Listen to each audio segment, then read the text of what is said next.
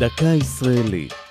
השבוע, הפלמ"ח, לציון 80 שנה להקמתו, והפעם, פלוגות המחץ. שנת 1941 לא בישרה טובות ליישוב היהודי בארץ ישראל. מדרום דחק צבא גרמניה את צבא בריטניה במצרים. מצפון, צרפת הכבושה בידי הגרמנים שלטה בסוריה ובלבנון. האפשרות שהנאצים יפלשו לשטחי הארץ נראתה קרובה מתמיד.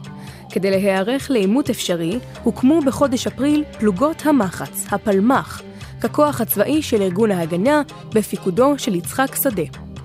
תחילה גויסו תשע הפלוגות שהרכיבו את הכוח כדי להכין את השטח לקראת מתקפה גרמנית אפשרית.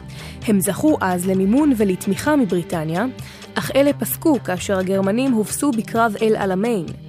ללא הכסף הבריטי נאלצו הפלמ"חניקים לעבוד בקיבוצים בתמורה למגורים ולמזון, וכך הפכו לכוח צבאי עצמאי נייד, שהצטרף למאבקה של תנועת המרי העברי, בין השאר בשחרור מעפילים ממחנה המעצר בעתלית, בפיצוץ מסילות רכבת ובהטבעת ספינות בריטיות.